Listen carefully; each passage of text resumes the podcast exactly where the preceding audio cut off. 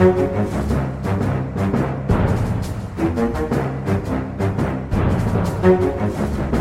mirakel. Lars eh, Glomnes er i Luster, eh, men vi kjører Aftenpodden eh, likevel. Han er med på linje. Velkommen, Sara Sørheim, kulturredaktør. Tusen takk, programleder Trine Eilertsen. Ja, til, til, en forandring. Veldig stor forandring. Og velkommen til gjesten vår i dag, Jette Christensen, stortingsrepresentant fra, for Hordaland Arbeiderpartiet. Som eh, sammen med sitt parti i dag skal starte landsmøte. Så derfor er hun her. Og så selvfølgelig, Lars, du er live inne fra Luster. Du... Live inne fra Luster. Du drikker min morgenkaffekopp eh, med Radio Luster ja. Eh, fra Gaupene og ser ut på, eh, på fjorden. Rett og slett. Og dyrker mitt sånn lille Eh, mitt lille hobbyprosjekt og tidlige midtlivskrise. Ja. En drøm for noen her i studio, et mareritt for andre. Ja, Singel mann 34 roper om hjelp og nyråd Jeg er lett offer for sånne venner som plutselig sier at ja, men begynn å stå, gå toppturer og sånn, det er så kult. Og så plutselig så har man brukt titusenvis på utstyr og må komme seg opp i fjellene innimellom. Ja, livskrise er dyrt. Men, ja. men uh, Jette, som sagt, velkommen. Stort møte i dag. Men først må vi få høre litt om, om deg. Hvem er du? Jeg heter Jette, kommer opprinnelig fra Egersund. Derfor snakker jeg ikke bergensdialekt. Men jeg bor i Bergen, representerer Bergen og Hordaland på Stortinget, som sa.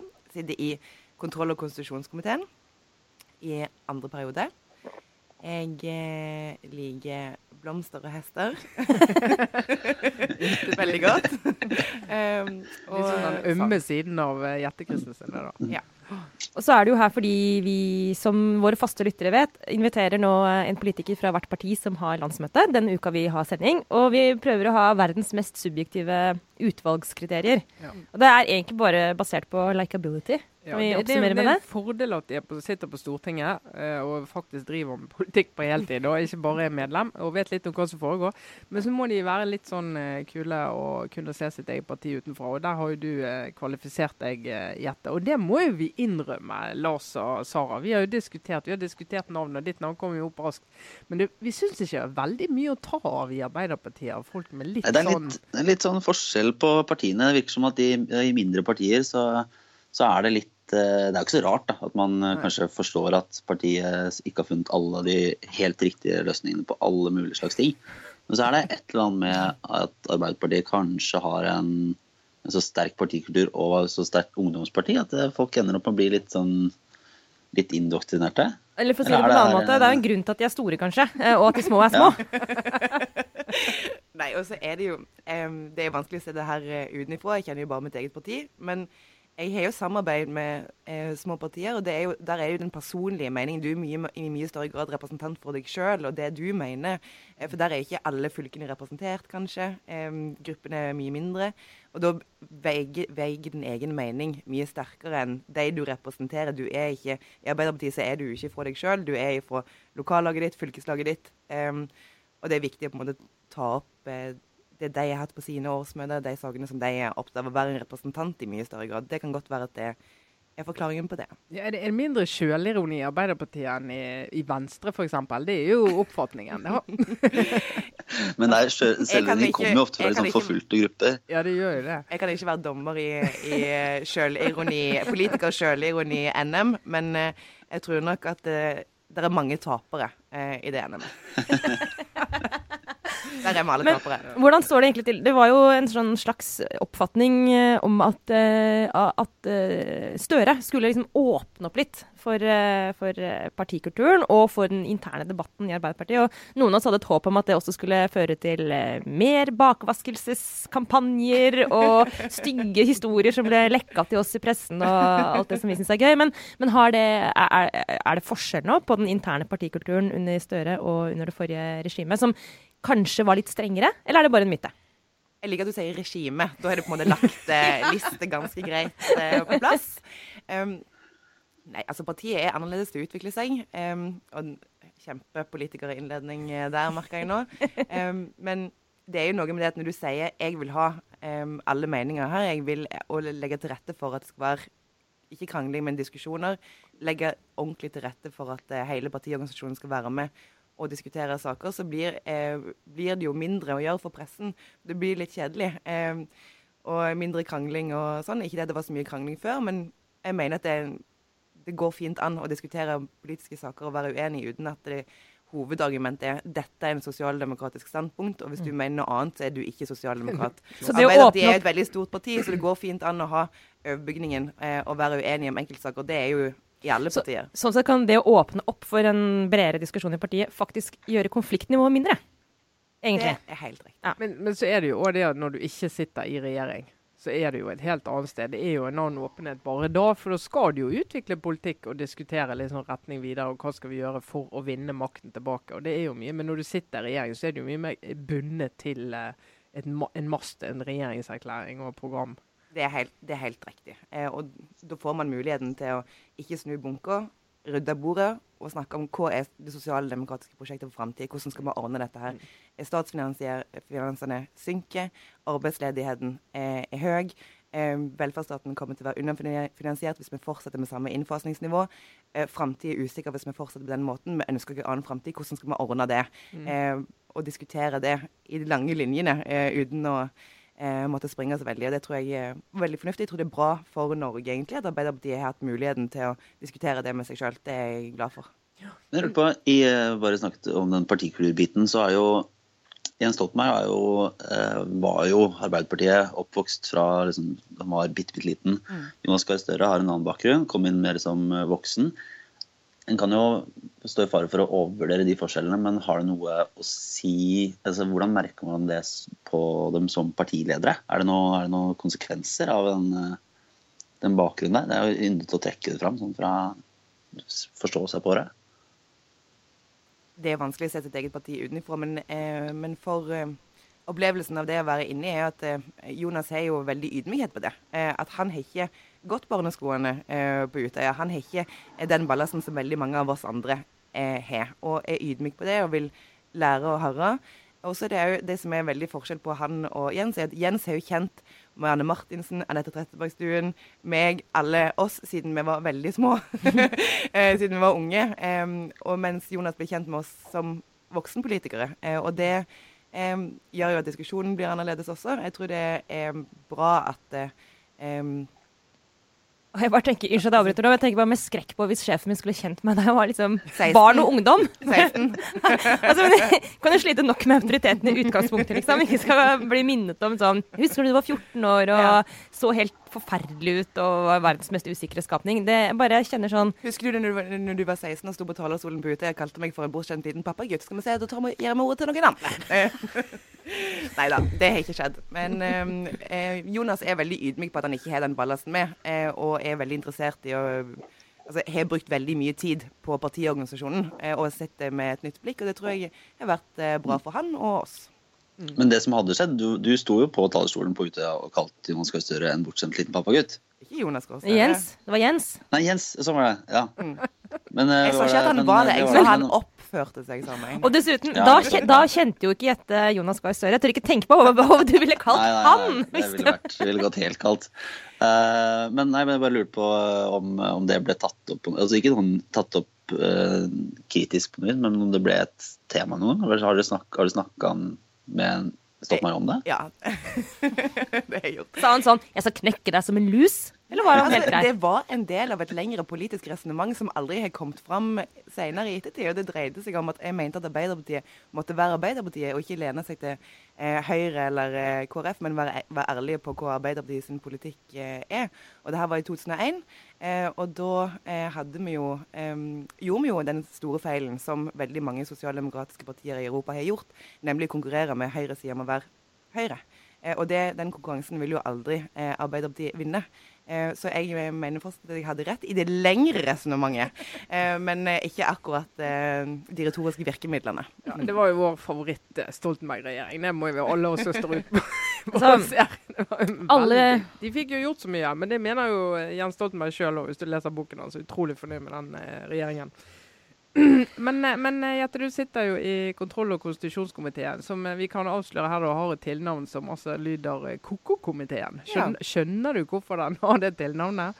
Det forstår jeg overhodet ikke. Um, og det slo meg iallfall ikke når jeg, noe av det første jeg gjorde når jeg kom tilbake igjen fra påskeferie på jobb, var møte i kontrollkomiteen. Og da, før møtet skulle settes, så måtte det sies at eh, ja, og så har vi et bursdagsbarn eh, med oss her i dag, så før vi begynner, så må vi synge bursdagssangen. Per Ole Lundteigen hadde bursdag, så da måtte hele kontrollkomiteen reise seg og synge 'Hurra for deg'. Eh, og, og danse litt. Grann. Og det var en veldig fin start på dagen, men, eh, men litt bra, kanskje. Du, du startet altså etter påskesesongen med å bukke og neie for eh, Per Olaf Lundteigen. Danse rundt omkring. Danse rundt omkring. Og- med Abid Raja, Martin Kolberg, eh, Michael Tetzschner, eh, hele, alle var med. Alle var med. Som, som man skal jo, selvfølgelig. ja, alle skal jo med. Mm. Men, ja, men hva, eh, bare, det lurer jeg litt på. Hva, altså Hvis du ser de som sitter i kontroll- og konstitusjonskomiteen, den lista der. Mm. Hva, hva, hvorfor, hva, hvorfor satt de deg der? Nei, altså Var, var det det du ville? Jeg ble satt av når jeg kom inn på Stortinget i 2010, eh, og da eh, jeg Min bakgrunn er, er fra statsvitenskap, og jeg som, som, jeg ble sagt, som jeg ble fortalt, du har stor arbeidskapasitet, eh, du er en faglig bakgrunn, og vi trenger noen som på en måte kan eh, jobbe med det her på en litt sånn faglig eh, måte. Eh, og det har jeg jo skjønt i ettertid at kanskje var litt fornuftig. Um, fordi at det er jo, um, det er jo en komité som kikker tilbake, som går inn i politikken på en helt annen måte enn den vanlige eh, dag-til-dag-politikken. En helt egen komité. Men samtidig så må jeg si at det å sitte i opposisjon i kontrollkomiteen er, oppleves veldig verdifullt. Fordi at det, det er noe med eh, at da hva er det å være i opposisjon? Jo, det å sitte i Stortinget og levere inn forslag eh, som blir nedstemt. Det er jo helt eh, grusomt for en politiker å gjøre det hele dagen lang. Men det å kontrollere og se om det man vedtar i Stortinget, faktisk blir reelt, eh, og følge opp det, det har vært eh, veldig verdifullt, syns jeg. Og så er det jo noe Men du kan få, vi følger jo alle eh, departement og følger med på absolutt alt som, som eh, skjer. Og det er jo Det blir i hvert fall aldri kjedelig. Hvis du skulle velge fritt en annen komité, hvis du ikke skulle sitte i den fra høsten f.eks., hva ville vært din drømmekomité?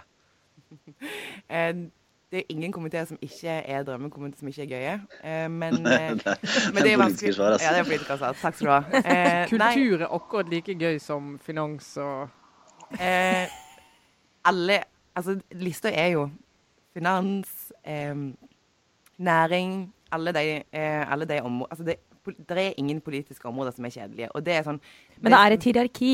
Det er ikke et hierarki, er det? Jeg vet ikke, jeg spør bare. Det er min jobb. Det er din Det er du som har den kjipe jobben med å svare. det er jo Etter hvert som du begynner å jobbe med et felt, så vil du alltid finne en interesse. Men det er jo klart, jeg interesserer meg for næringspolitikk, jeg interesserer meg for eh, finanspolitikk, jeg interesserer meg i justispolitikk. Det har jeg fulgt. Eh, jeg har hatt gleden og frustrasjonen av å følge opp Justisdepartementet eh, som ansvarsområde i kontrollkomiteen disse årene, og det har jeg jo lært meg en del. Ja, det var, må jo ha vært er, og hvordan det kanskje burde vært. Vi skal snart straks gå videre til landsmøtet, men det må jo ha vært litt gøy for dere når Anundsen satt som justisminister, da. I komiteens tidligere mest ivrige medlem, som plutselig ble gransket av sine, sine egne, så å si. Eh, Vet du hva, jeg syns det bare var trist. Fordi at eh, han hadde vært eh, så utrolig hard på hvordan ting skulle være. Han hadde vært så utrolig rettskaffen, og, og det ville ingen ende ta. Um, og lekte nærmest eh, Ja, hadde en, en veldig sånn rar em, En veldig sterk rolle som eh, kontrollkomitéleder. Eh, og så eh, Rar? Nei, nei, ikke klare å fylle Ja, og ikke klare å fylle opp eh, sine egne vedtak. Og noe av det første vi gjør, er å fremme mistillit mot ham em, i Stortinget. Det har ikke Arbeiderpartiet gjort siden 1984. Og det å fremme mistillit mot en statsråd er veldig alvorlig. Eh, og det å gjøre det mot eh, han opplevdes for meg veldig spesielt. Em, men em, ja, det var nødvendig. Og så eh, kom jo denne saken her om 22. oppfølging av 22. juli etterpå. Da var jo ikke han eh, Nå er jo ikke han minister lenger, men eh, ja. Det er vanskelig å behandle saker som kommer fra en minister som du har fremma mistillit mot. Før. For hva skal du gjøre da? Hva skal du gjøre da? virkemidler har du? Ja, liksom? ja, du er litt, litt tom. Mm.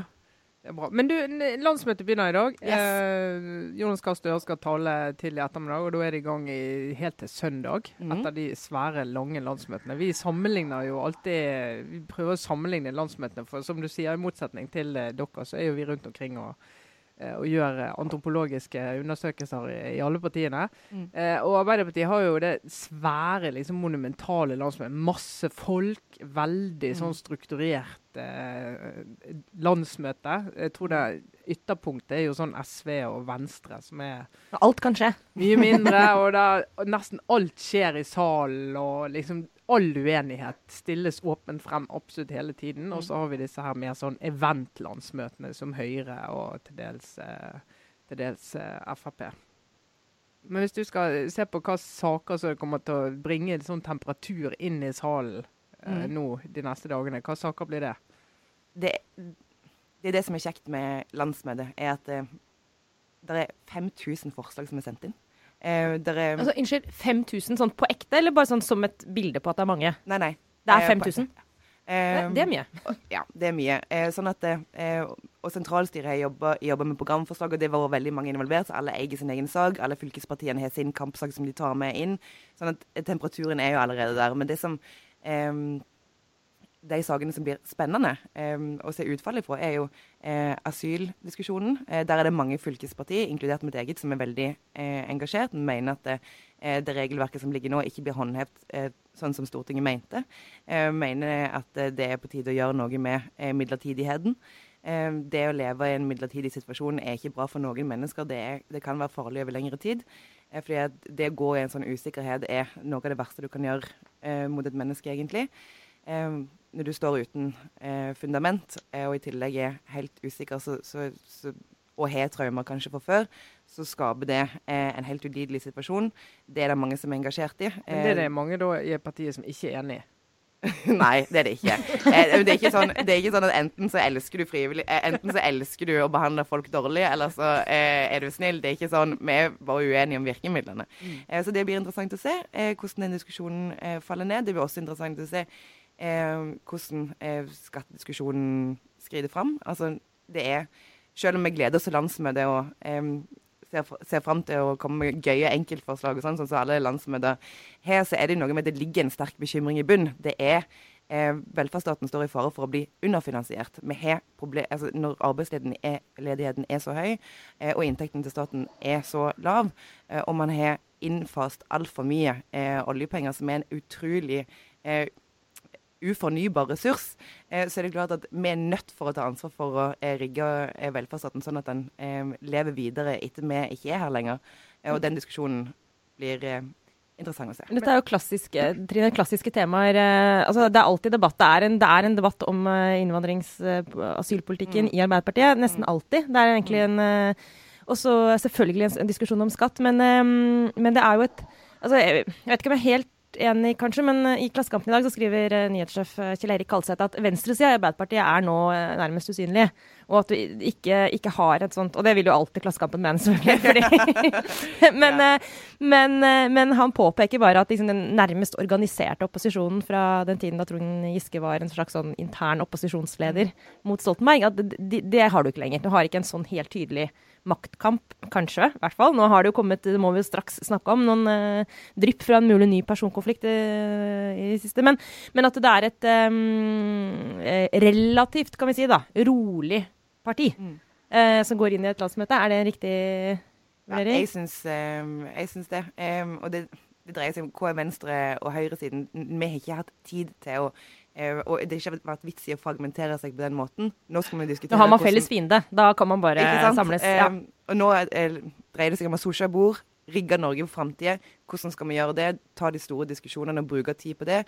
Og så lenge det allerede er bestemt at her er det takhøyde, det er lov å være uenig. De beste, eh, de beste standpunktene for Arbeiderpartiet ligger i summen av de diskusjonene som er med, eh, blant medlemmene. Så er det ikke vits i å eh, dikte opp problemer som ikke fins, rett og slett. Og det er litt digg. Men på den skottebiten, da. Mm. Hva, altså, hva, hva er uenigheten? Nei, der, det dreier seg jo om eh, innslagspunkt. Hvor, eh, grunnen til at eh, vi mener at skattenivået eh, må være annerledes. Får du den eh, arveavgiften inni dette? ja, eh, eller arveskatten, som jeg liker å kalle det. Ja, Eh, ja, ja. Ikke skatten på død, er det ikke det? Eh, det er klart at det kommer til å bli en diskusjon. Og det, grunnen til det er fordi at vi ser at eh, måten eh, pengene blir brukt på nå, er ikke fornuftig. Det skapes ikke flere arbeidsplasser eh, å gi eh, skatt, store skatteletter og satse på at arbeidsplassene skaper seg sjøl. Eh, man er nødt for å organisere det på en annen måte. Eh, og da er det jo sånn at vi har sagt at vi skal ha et høyere skattenivå, men det er et skattenivå som folk kjenner igjen. Vi har sagt hva det skal være for noe. Det er ikke avskrekkende. De som skal betale mer, er de som har mye. De som har alminnelige inntekter, skal eh, betale likt eller mindre. Men det er det vel Eh, ikke noe uenighet om i partiet? Nei. nei. Men Nei. Så, så er det jo diskusjon eh, hvordan eh, skal vi Om den arve, eh, arveskatten skal inn eller ikke. Eh, jeg tror ikke vi kommer til å lande ned på det. Men det er jo en, en sånn ting som er interessant å se på salen. Men den der, altså, vi, vi må jo snakke litt om Senterpartiet etter hvert. og Da er det jo en sånn eh, diskusjon om dagsorden gagner Senterpartiet veldig. Mm. Du har denne diskusjonen om alle reformene. og Det er jo ikke bare kommunereformen, det er jo mange reformer som de har greid å sette inn i en sånn sentraliseringsramme. Og peke på at det er sentralisering alle sammen. Så hører jeg eh, Jonas Gahr Støre snakke om de reformene på omtrent samme måte. Eh, Men du ser at det er jo Senterpartiet som får uttellingen for å, for å være opptatt av og redd for denne sentraliseringen. Og de har jo mye større troverdighet på sin sentraliseringsfrykt enn kanskje eh, Arbeiderpartiet har. Hvordan skal også, også få en dagsorden som gagner eh, Arbeiderpartiet?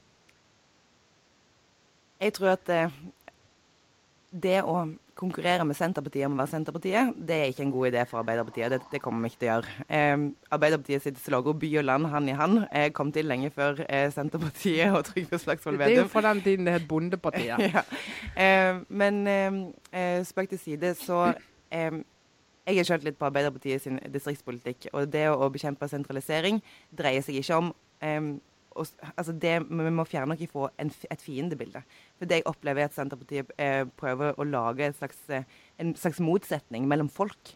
Det er ikke sånn eh, at eh, folk på bygda ikke unner eh, folk i byen godt. Og vi, hvis vi skal lykkes med Norge, så kan vi ikke holde på med sånn enten-eller-politikk. Vi er nødt for å lage gode plasser å bo i distriktet.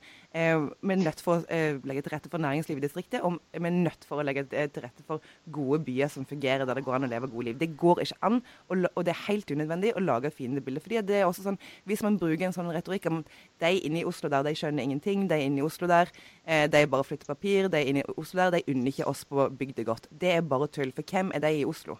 De i Oslo de er døtrene til de på bygda, eh, i veldig stor grad. Eh, og Norge er altfor lite. Vi kjenner hverandre altfor godt til å la, dikte opp fiendebilder som ikke finnes. Politikken sin oppgave er å passe på at det går an å ha begge deler. Både eh, byer som eh, vokser, byer som klarer å ta imot eh, befolkningsvekst, byer som eh, grønne, byer som har eh, god kollektivtrafikk, samtidig som det går an å leve eh, gode liv og etablere næring, eh, næringsvirksomhet på bygda. Og det går fint an å gjøre uten å dikte opp eh, et fiendebilde.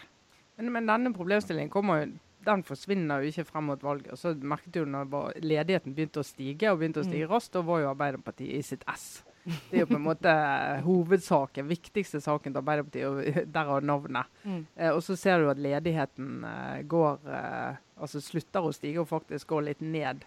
Altså hvordan skal dere Jeg så Magnus Takvam eh, skrev i dag på NRK at uh, han mente at Arbeiderpartiet hadde brukt altså hadde vært veldig unyanserte i sin kritikk av måten regjeringen hadde håndtert ledigheten på. Sånn at nå når han faktisk da stopper litt opp og, og går litt ned, så, så sitter du igjen med litt sånn Kan regjeringen lett si ja, hva var det vi sa? Vi, vi skulle greie å snu det. Hvordan skal dere håndtere det? Altså, eh, jeg må bare si at andelen, eh, andelen av folk i jobb synker. Eh, andelen av folk i jobb er ikke god nok. Vi er nødt, Hvis vi skal ha en, en velferdsstat som fungerer i framtida, så må vi passe på at flere kommer i jobb. Vi mener ikke at regjeringen har gjort nok for å ordne det. Det har ikke gått fort nok. Den pendelen har ikke snudd fort nok. Det har vært virkemidler som det var mulig å sette i verk, som de ikke har gjort. Og det er jo noe av det, det er den aller viktigste saken for oss. Og så dreier det seg også om hvem er det som er i jobb, hvem er det som ikke er i jobb. Det er for mange unge arbeidsledige. Det er for mange innvandrerkvinner som kommer ut av arbeidslivet, og som ikke kommer inn igjen etter fødsel, f.eks. Ja, men sånn har det jo alltid vært. De har jo aldri vært i jobb. Eh, men eh, det å, det å rigge det arbeidslivet som eh, på, en, på en måte som gjør at det er mer inkluderende, som gjør at det er plass til, til flere, det er en politisk oppgave. Vi mener ikke at, at eh, regjeringen gjør nok for å sikre det. Det er godt for seint. Altså, for å sitere eh, VG hadde et intervju med ei jente fra Egersund. Eh, og da sa hun som var sånn 28 år, som hadde søkt på jobb og ikke fått det, vært arbeidsledig veldig lenge. Og så sa hun det verste med å være arbeidsledig er å føle at ingen vil ha deg. Og den følelsen er det altfor mange unge eh, i dag som har.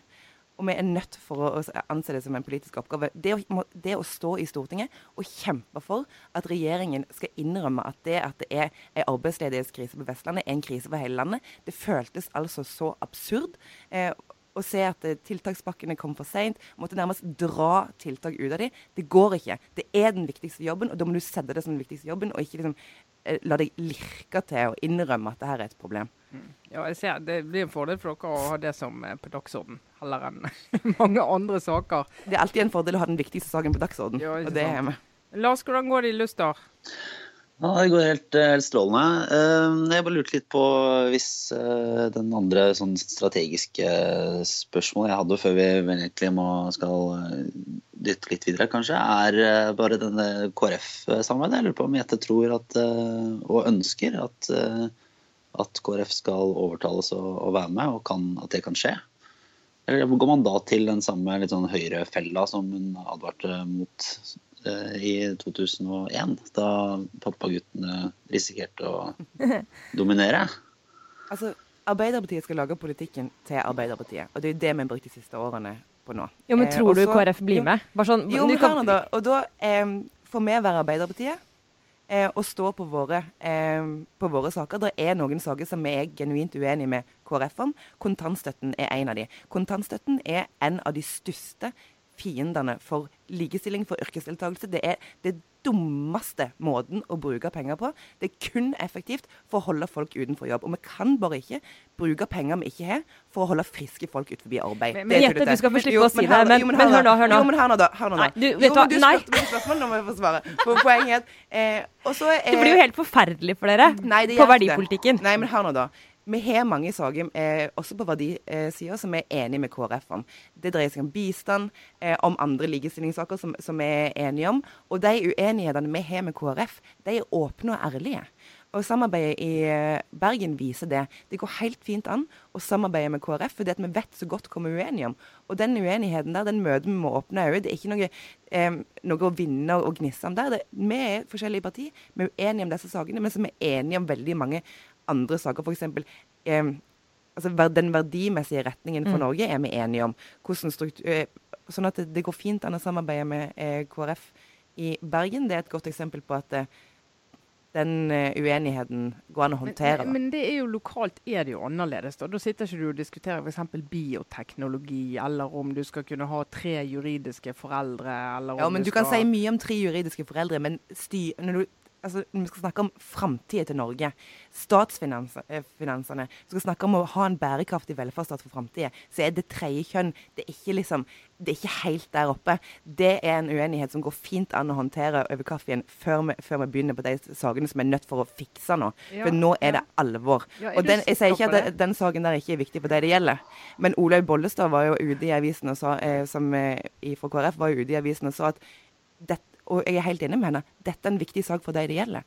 Og da må vi bare gjøre livet enklere og friere for de det gjelder. Og så kan vi andre som det ikke gjelder, eh, bare eh, ikke bry dere med det. Det angår ikke oss. De som opplever eh, at de er i den situasjonen, må jo få lov til eh, å ha det skjønnet de vil. Altså, det er jo ikke et problem som fins.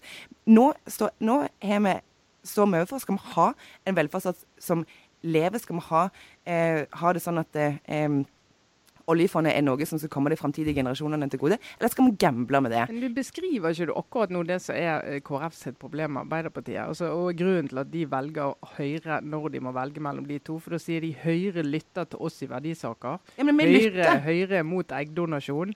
Høyre liksom følger de, lar de få lov. De, de, de kjempet for reservasjonsrett for leger på vegne av KrF. Sto Bent Høyre og, Mm. Høie og kjempet for, for, på vegne av KrF. Mm. Eh, mens du som Arbeiderparti-representant sier at dette er ikke viktig nok.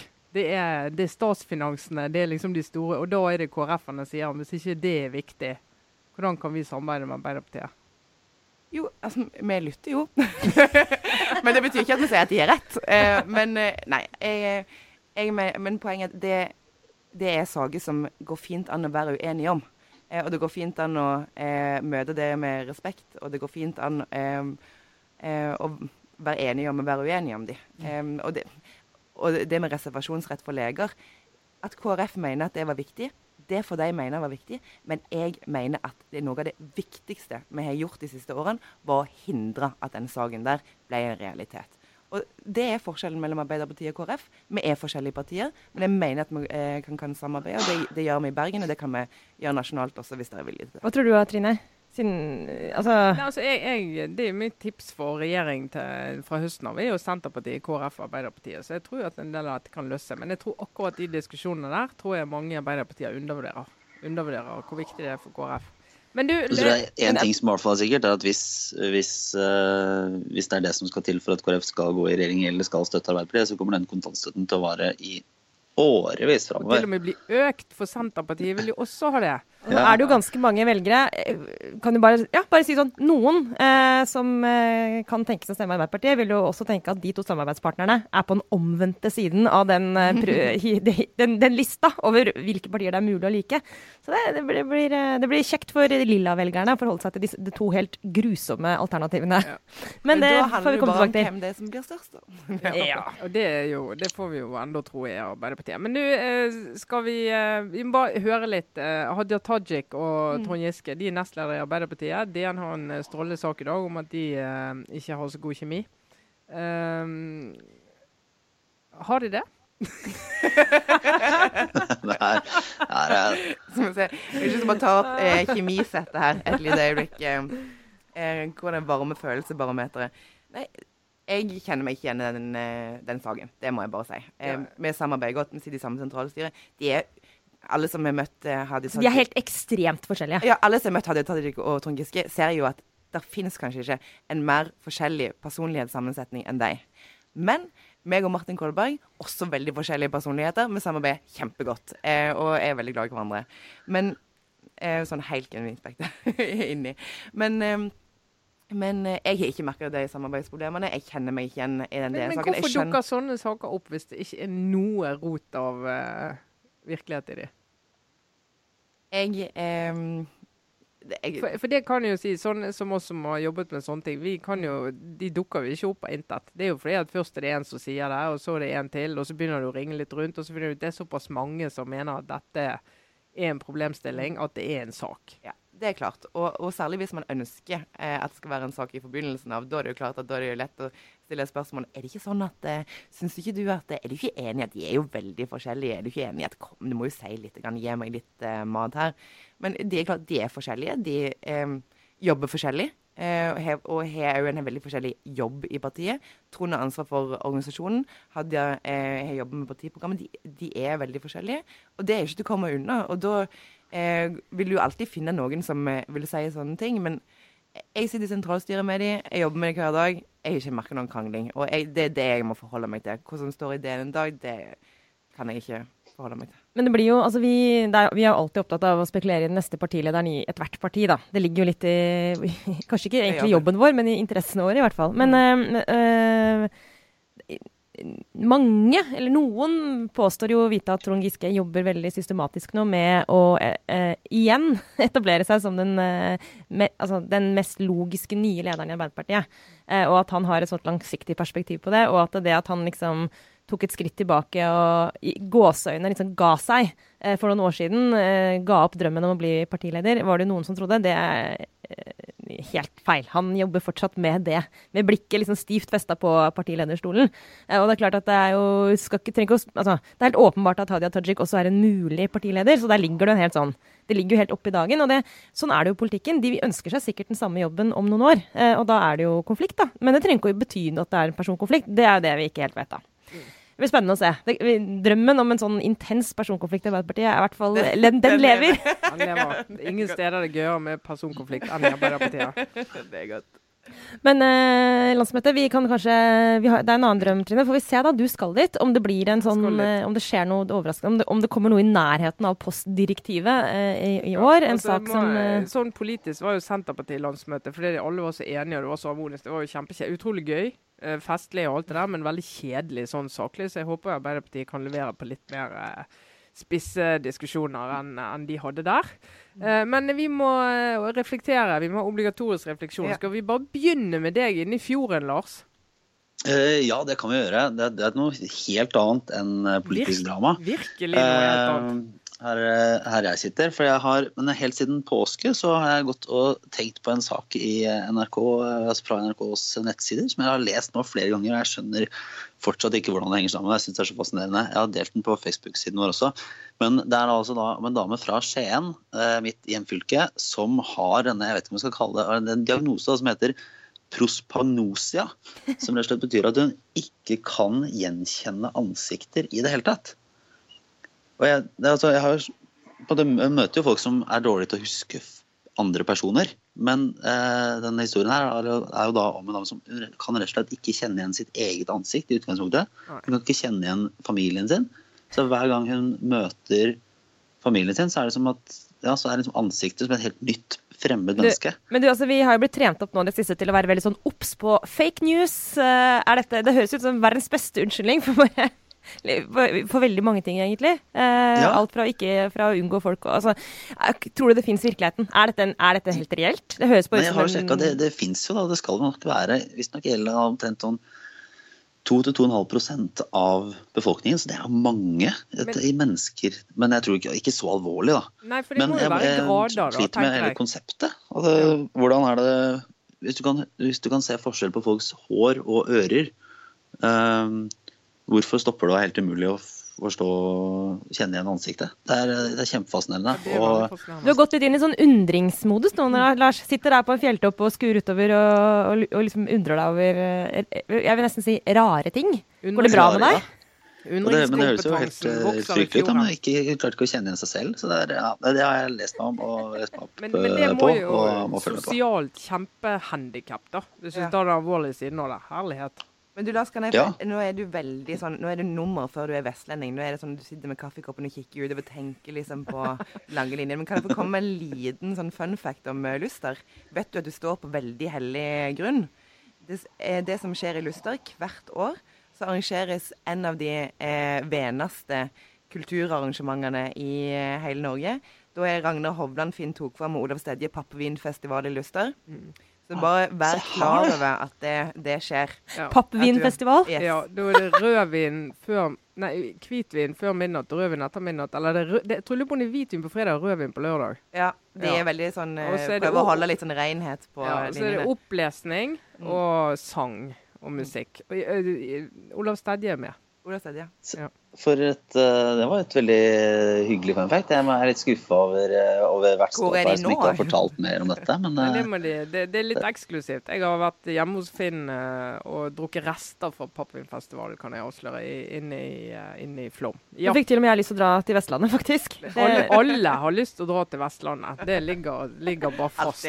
Ligger bare fast. Ja, ja. Men vi må snakke oss tilbake til virkeligheten, folkens. Du, det er jo du, Sara, som egentlig har den du store Du som har den tunge refleksjonen i dag altså nå, dette året, altså 2017, hallo, for et fantastisk år. Ikke nok med at det er norsk valg, som jo er det er jo, altså Nytt stortingsvalg i Norge er de gøyeste årene. Og så kommer det eh, Frankrike rett rundt hjørnet. Eh, Tyskland.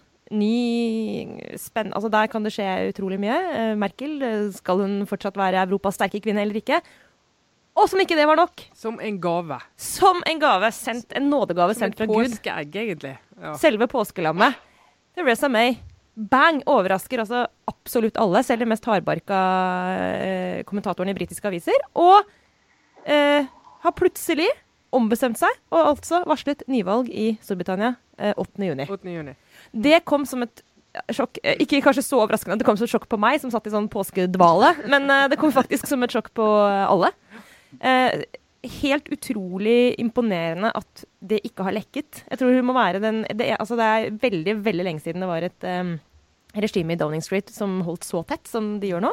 Eh, og så hjelper det på at May har uh, uttalt utrolig mange ganger og veldig veldig tydelig at hun ikke skulle skrive ut et uh, nyvalg. Sånn at uh, ja, the lady is for turning, som uh, mange har, har, kommentert i det siste. Yes! Så nå er det valgkamp i England, altså. Det blir spennende. Og da er jo utgangspunktet som mange kommenterer, det er jo at uh, Labour og Jeremy Corbyn de er jo i en litt svakere posisjon enn Arbeiderpartiet i Norge. Uh, og dette er døden for Labour. De kom, ja. Dette er på en måte bekreftelsen på at de ikke kan vinne valg med den partilederen. Og Før vi går videre, gjette bare helt kjapt. Mm. Corbyn, Yeah or nay, hvor ligger du i, bare sånn Hva, tenker, hva sier du når jeg sier Corbyn? Er han riktig mann for Labour? Nei, vet du hva? Hvem er som er riktig mann for Labour? Ingen kan redde Labour. De er nødt for å bare gjøre alt om igjen. You're do, altså, Labour, you're doing it wrong. Det, er jo, det går ikke an å kalle seg Arbeiderpartiet. Det er helt absurd. Ja. Det, det går ikke an. De må, okay. bare, de må bare slutte med det de holder på med, og gjøre noe som virker.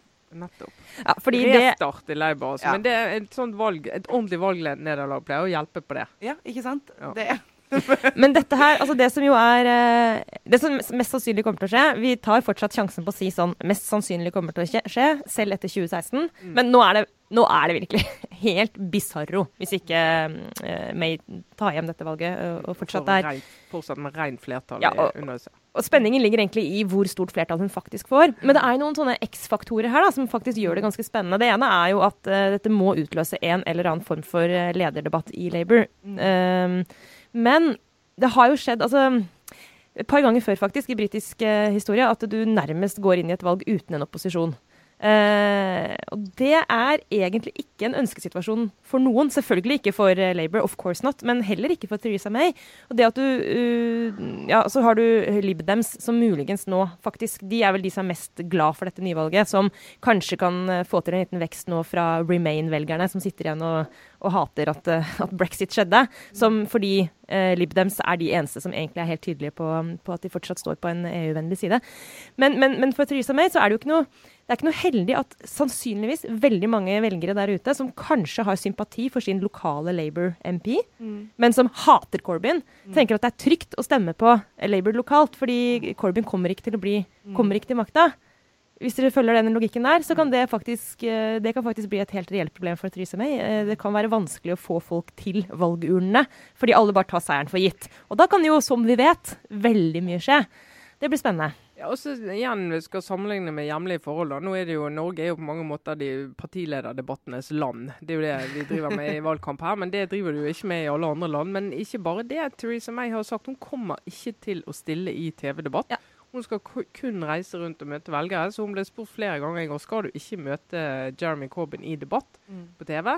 Nei, det skal hun ikke. Du tar en motsatt Lars Bonheim, Ja, ja, og tillate seg å gjøre det, jo eh, Da Men- er du selvsikker. Det er, det, altså jeg leste nå i, altså det er mange som eh, ikke tror henne helt. da. Nå har hun jo, og det er også for så vidt interessant. Fram til nå har Theresa May vært liksom, den, hun, hun, hun har vært veldig basert mye av sin hva skal jeg, si, altså, Den tilliten mange har til henne, er nok basert på at hun fremstår som veldig stødig og en dame som liksom holder det hun har sagt hun skal gjøre. Og så plutselig, nå når hun, hun, hun har ombestemt seg på dette med valg, så har, er det et ganske risikoprosjekt sånn rent sånn imagemessig. Eh, og når hun nå har sagt så tydelig dette med TV-debattene, så er det jo fortsatt mange som ikke tror henne. Altså det BBC og ITV skal arrangere partilederdebatter, de. De bare regner med at hun kommer. Eh, men hun kan jo ikke det. Hun kan ikke nå flere ganger liksom vingle på sånne uttalelser. Skal de ha en tom stol, da? Hva skal de gjøre, liksom? Samtidig så kjenner jeg det burde jeg jo ikke si høyt da, som representant for eh, mediene, men det er jo litt kult òg at hun bare liksom Nei, jeg skal banke på dører, jeg. Ja, vi får se. Det går, gjøre, det går jo an, fint an å gjøre begge deler. Eh, men eh, det, det er vanskelig å sitte og se på valg eh, i Europa og sitte og se på de sosialdemokratiske partiene som gjør så veldig mange rare ting. Ja. De må slutte å gjøre helt feil ting. Og det de gjør feil, er at de ikke er sosialdemokratiske. Det de er derfor folk spør hvorfor går det bra med Arbeiderpartiet i Norge, men så går det ikke så bra med Arbeiderpartiet i de andre landene. Det er fordi at vi fører en sosialdemokratisk politikk med høyt offentlig, eh, høye offentlige investeringer eh, med, som legger til rette for en velferdsstat, og er, er trygge på det, istedenfor å holde på med sånn eh, eh, tull eh, som de holder på med i de andre landene. Altså, vi får bare håpe, sånn, uh, uavhengig av, av hvor man står politisk, at uh, Labour Altså at dette her blir en anledning for dem til å restarte sitt politiske prosjekt. Alle land må Og- ha en ordentlig opposisjon. Ja. Noe annet er helt uansvarlig. Går Det- ikke an. Det ble jo Jeg må bare avslutte med å si det, eh, Hva het han? Francis Pym het han vel. Eh, var utenriksminister under, under Thatcher. En utrolig konservativ fyr. Han uttalte jo i forbindelse med mm, et av de virkelig store valgskredene, altså 1983 var det vel, etter Falklandskrigen, når Thatcher gjorde et sånt fantastisk valg. Da sa jo han i, i, før valget at eh, han håpet at det skulle altså han, han sa at det er ikke bra for et land at ett parti er så mye sterkere enn et annet. Da var det jo Toryene. Og etter valget så kom bare Thatcher til han og sa Francis, jeg vil ha en ny utenriksminister. og så var han ferdig. Ja, sånn. Men han hadde jo rett. Tenk deg, hold det for deg sjøl. Ja, min, eh, min obligatoriske refleksjon det handler rett og slett om at i dag så blir Kristin Clemet 60 år. Gratulerer med dagen. Ja. Gratulerer med dagen. Kristin. Og i går eh, var det en, en eh, mottagelse for henne borte på Kafé Kristiania. Der var det masse, masse, masse folk. Eh, fra hele Bjørgulf var der, mange fra Klassekampen. Jens eh, Kiel sa det at han hadde møtt opp på jobb i går, og der var det flere, litt, litt for mange som kom med slips og jakke, så da skjønte han det mange som hadde tenkt seg dit. Gratis vin, vet du. Ja, ja, ja. Og så fra redaksjonen og selvfølgelig partiene og offentlig Norge. Det var Civita som arrangerte denne her mottakelsen. Men, og da var det jo blitt sagt mange eh, gode ord om, om Kristin Clemet. Um, og da og jeg også sa litt om henne, og det som er, er saken med Kristin Clemet, som jo er en av våre ja, tydeligste samfunnsdebattanter, egentlig. Eh, som er jo et forbilde for mange unge jenter og voksne damer, fordi hun er så tydelig og stikker nakken ut og argumenterer og mener sterkt fra et veldig sånn borgerlig, borgerlig ståsted. Um, men så er det jo denne rollen hennes på borgerlig side. Det var En som spurte meg i går om, eh, om det hun har gjort uh, med å bygge borgerlig samling eh, vil være stå sterkere igjen etter henne enn det hun gjorde som statsråd. Og det kan godt hende det gjør. For det er klart at det der arbeidet med å begynne å få disse partiene som nå danner et regjerings, eh, regjeringsprosjekt, til å snakke sammen etter eh, katastrofevalgrunden i 2009. Altså Valget var for så vidt eh, Eh, gikk greit, men det ble jo ingen eh, ble jo ikke noe regjeringsskifte ut av det. Eh, og den her vonde stemningen mellom sentrumspartiene og Frp, men også Høyre og Frp den gangen der. Og det hun gjorde, og så systematisk hun jobbet med å få disse politikerne til å snakke sammen, til å snakke mer sammen om det de var enige om, til å bli kjent, rett og slett. Til å få en respekt for hverandre som var fundert på, på en tillit. Eh, den var jo helt avgjørende for at det ble en borgerlig regjering i, i 2013. Så det kommer jo til å stå igjen etter uh, Kristin Clemet. Jeg tror jeg har fortalt om dere har vært innom det før i, i poden, men jeg var jo med på noen av de fredagspilsene på Whisky Bar. Eh, en fordel Jette, med oss som dekker politikk og ikke er politikere, er at vi kan være med på alle eh, gøyale ting. helt uavhengig av hvem det er som arrangerer det. Og, og, jeg husker den gangen jeg har et sånt bilde i hodet av um, sånn, Kristin Clemet satt da, hadde sånt svært bord.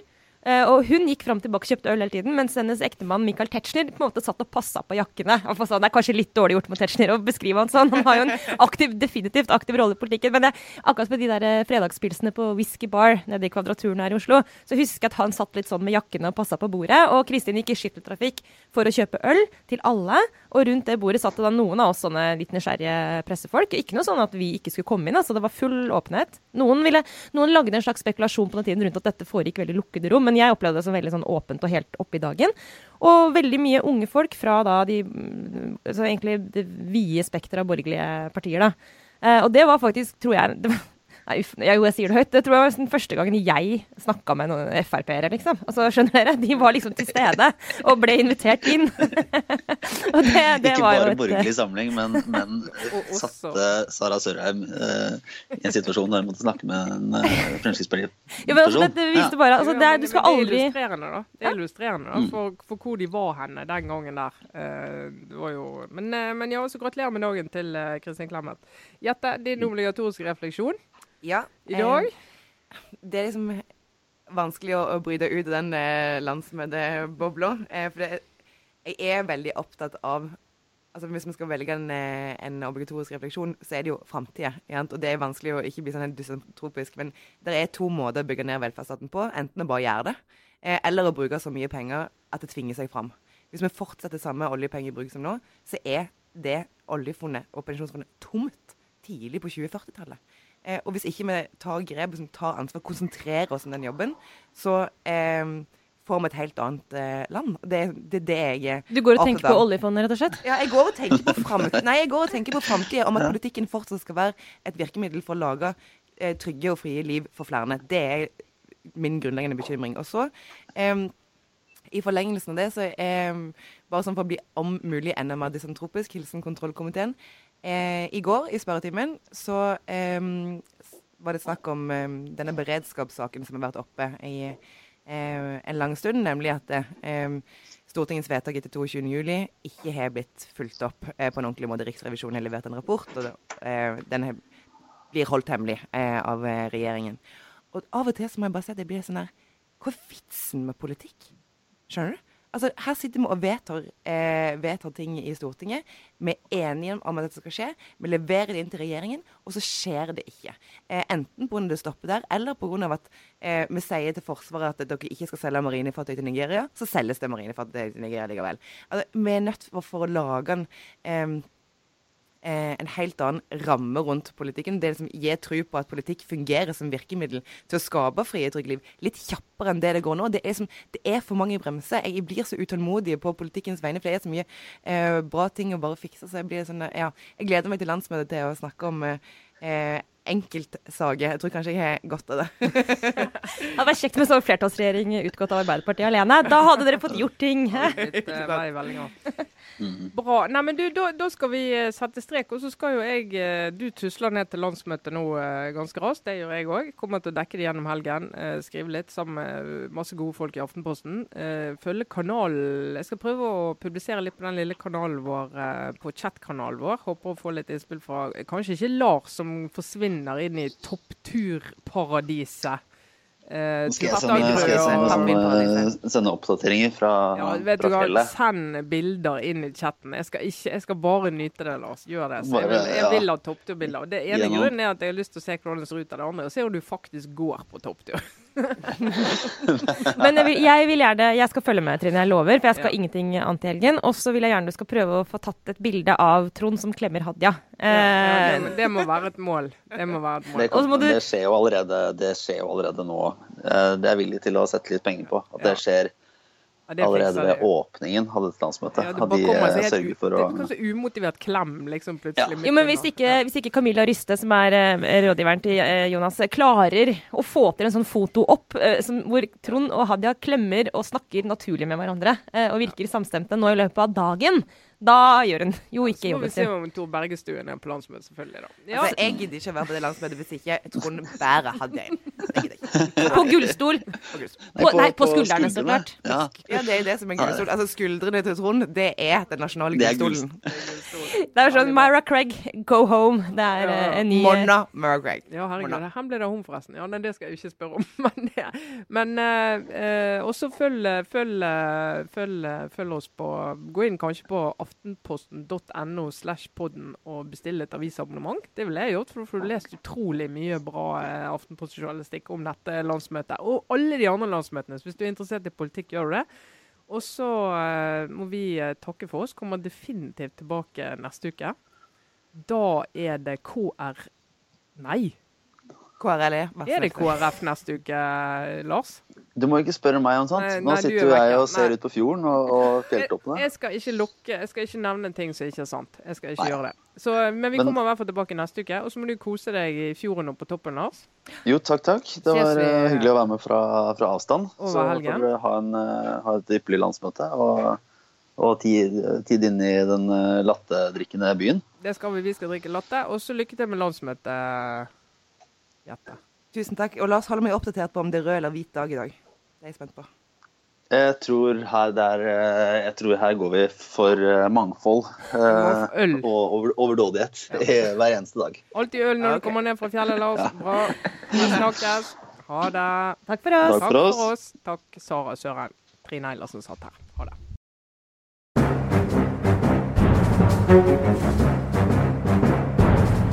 Thank